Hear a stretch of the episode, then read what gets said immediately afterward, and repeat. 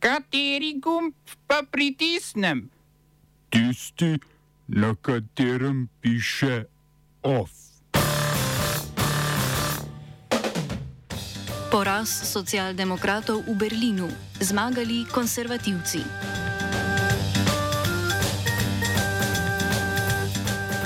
Novi predsednik Cipra Nikos Christodoulides. Izraelska pravosodna reforma kljub protestom skozi parlamentarni odbor.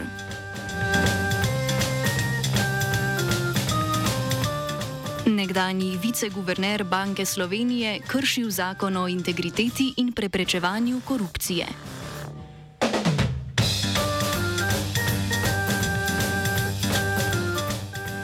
Novi predsednik Republike Cipr je postal nekdani zunani minister Nikos Christodoulides. V včerajšnjem drugem krogu predsedniških volitev je skoraj 52 odstotki prejetih glasov premagal diplomata Andreasa Maurojanisa. Christodoulides je na volitvah nastopil kot neodvisni kandidat. Pred volitvami je izstopil iz demokratičnega zbora vodilne konservativne stranke. Ta je imela na volitvah svojega kandidata, ki pa je izpadel v prvem krogu. Kot neodvisni kandidat je nastopil tudi Maurojanis, ki ga je podprla progresivna stranka delovskega ljudstva. Novo izvoljeni predsednik bo prevzel izvršilno oblast, saj ima Cipr predsedniški sistem. Republika Cipr je edino mednarodno edina mednarodno priznana država na otoku.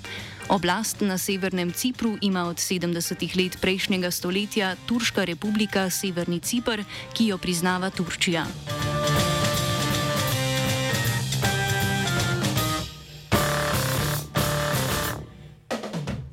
Belgijskega europoslanca Marka Tarabelo je državni tožilec obtožil korupcije in pranja denarja v aferi Qatar Gate.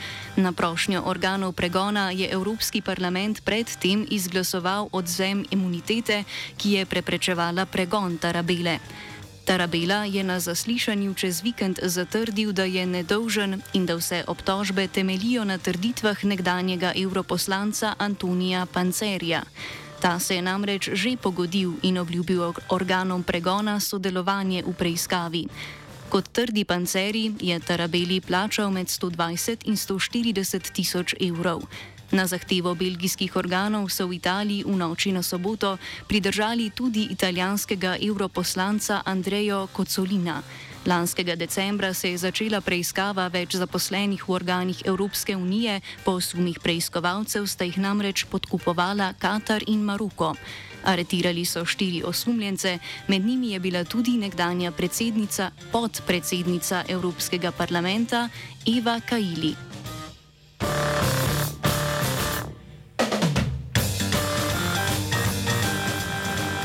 Na ponovljenih volitvah v Berlinu je slavila Krščansko-demokratska unija, krajše CDU. Stranka je prejela več kot 28 odstotkov glasov. Socialdemokrati, ki na zvezdni ravni vodijo vlado, so prejeli 18,5 odstotka glasov, kar je najslabši rezultat stranke v Berlinu po drugi svetovni vojni. Drugo mesto si socialdemokrati delijo zeleni. Županski kandidat CDU-ja Kaj Wegner je po zmagi dejal, da si želi sestaviti koalicijo bodi si socialdemokrati, bodi si zelenimi.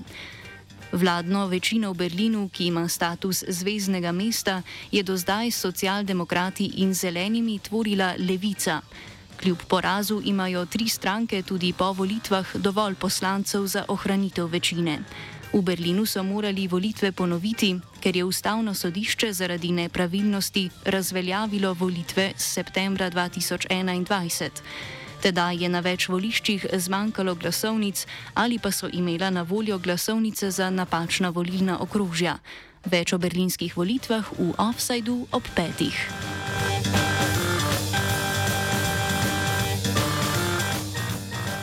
V Madridu je potekal množični protest zdravstvenih delavcev. Ti so se zbrali v podporo javnemu zdravstvu, saj je desna regionalna vlada na primarni ravni napovedala vrčevanje. Protest je organiziralo več kot 70 različnih nevladnih organizacij in civilnih združenj. Protest sta podprla tudi največja španska sindikata. Več kot 200 tisoč protestnikov je zahtevalo odstop predsednice regionalne vlade Izabel Diaz Ayuso, saj naj bi želela zdravstvo privatizirati. Ayuso je načrte o privatiza privatizaciji zanikala.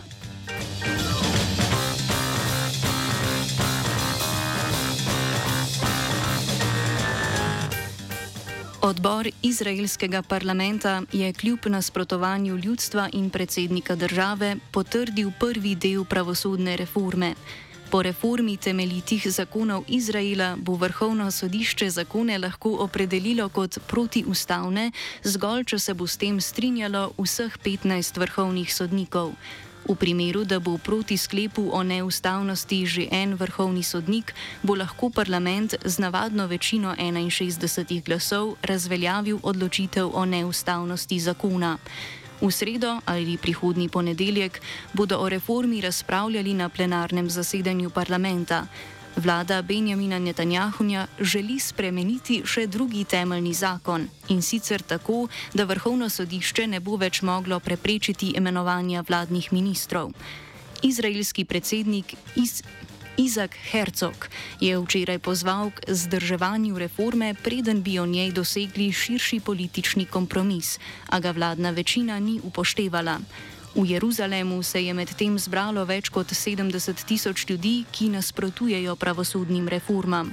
V protest proti reformam so stavko začeli zdravstveni delavci in zaposleni v tehnološki industriji.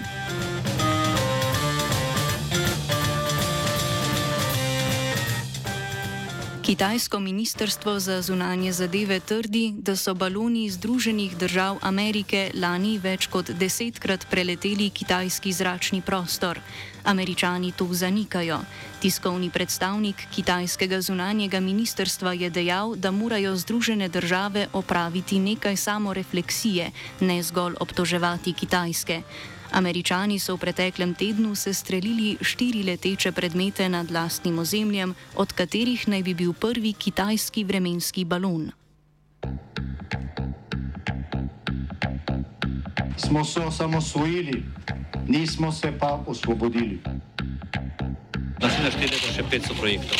Izpiljene modele, kako so se strani nekdanje LDS rotirali. Ko to dvoje zmešamo v pravilno zmes, dobimo zgodbo o uspehu.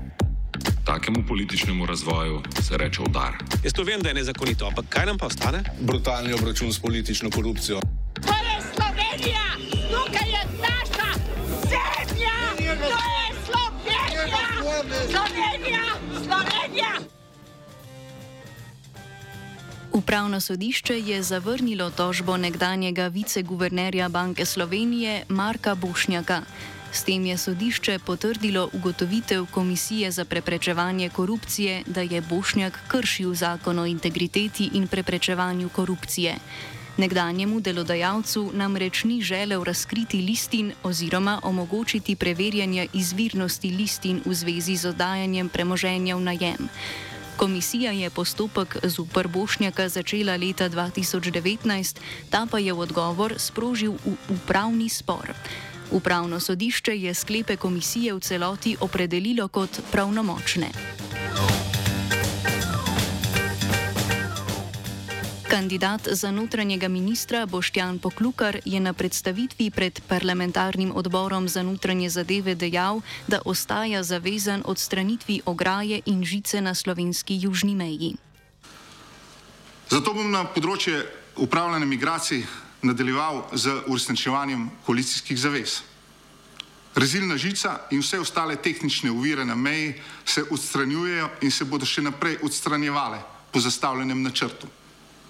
Cilj je, da rezilne žice do konca letošnjega leta na meji ne bo več.